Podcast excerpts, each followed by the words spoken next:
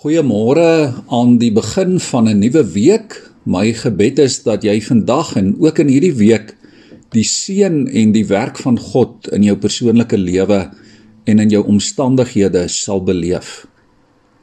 In God se heilsgeskiedenis met die mens en met Israel is daar onder andere twee gebeurtenisse wat in die besonder uitstaan.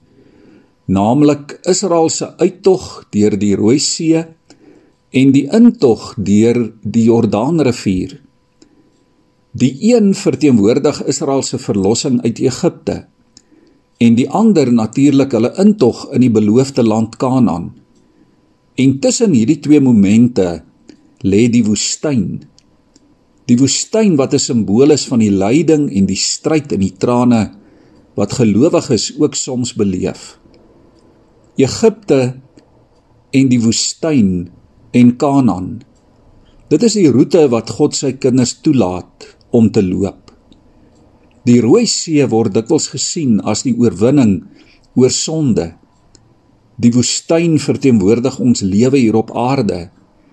En die Jordaanrivier is 'n simbool van die nuwe hemel en die nuwe aarde wat vir God se kinders wag na hierdie woestynlewe. Hierdie roete wat God ons toelaat om te loop gaan natuurlik verby die kruis van Christus op Golgotha. En dit beteken vir ons redding en oorwinning en hoop en nuwe lewe. Ja, 'n nuwe toekoms in die koninkryk van God. Liewe vriende, wat jy en ek vanoggend moet hoor en waaraan ons kan vashou is dat die roete wat ons saam met God loop beslis nie in die woestyn eindig nie. Dit eindig nie in onsekerheid en lyding en ontnigtering en verlies en elende nie. Dit is 'n roete van die lewe. 'n Roete waarop God ons lei en waarop hy voorsien volgens sy wil en sy beskikking. Ja, soms is dit 'n pad van verlies, maar dit is 'n pad waarop God teenwoordig is en waarvan hy self die eindbestemming bepaal en die uitkoms in sy hande hou. Die digter van Psalm 66 roep alle volke op om hieroor bly te wees. Maar hy getuig ook van sy eie persoonlike heilservaring met die Here. In vers 16 roep die digter: "Kom, luister almal, sodat ek kan vertel wat God vir my beteken het." En in vers 20 sê hy: God het my gebed nie afgewys nie en sy troue liefde nie van my weerhou nie. Ja, een ding kan jy en ek vandag weet.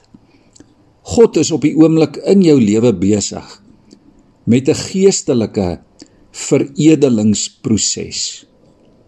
Ja, jy hoor reg vanmôre. God, die God wat red en verlos, die God aan wie die hemel en die aarde behoort, is vandag besig om jou te vorm soos 'n pottebakker die klei vorm na sy gedagtes.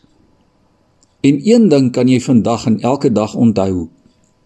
Daar lê 'n pad van verlossing agter jou. En daar lê 'n heerlike, onbeskryflike toekoms en 'n bestemming voor jou. Vertel dit vandag vir die wêreld. Vertel dit vir mense rondom jou. Juig saam met die psalmdigter in vers 16. As jy ook sê, kom, luister almal, sodat ek kan vertel wat die Here God vir my gedoen het. Jy leef beslis nie 'n woestynlewe nie. Jy leef 'n oorwinningslewe saam met die God van jou verlossing. Ek lees vir ons uit Psalm 66 vir die musiekleier 'n lied, 'n psalm. Juig God toe, almal op aarde. Besing die eer van sy naam. Betoon eer met 'n loflied aan hom. Sê vir God hoe onsagwekkend is u dade. Prys ons God volke. Laat die klank van sy loflied opklink. Hy wat aan ons lewe gee, ons voete nie toelaat om te struikel nie. Kom, Luister almal wat vir God ontzag het. sodat ek kan vertel wat hy vir my gedoen het. Met my mond het ek hom aangeroep. Lofprysing was gereeld op my tong. Daar was onreg as ek in my hart gekyk het. My Heer sou nie na my luister nie, nogtans het God geluister. Hy het aggeslaan op die klank van my gebed. God moet geprys word. Hy wat my gebed nie afgewys het nie. Sy troue liefde van my nie weerhou het nie. Kom ons buig ons hoofde voor hierdie getroue God vanmôre. Hemelse Here, dankie dat U luister. Dankie dat U hoor en dat U ons ken en ons liefhet. Dankie Here dat die woestyn nie die bestemming is nie, maar 'n deurgang tot die lewe. En dat ons kan weet U is ook die God van die woestyn. Here, laat ons U vandag eer en loof en dien. Laat ons lewe uit die verhouding wat U in Jesus Christus met ons het. Lei ons deur U Heilige Gees op die lewensroete wat U vir ons bepaal het. Amen.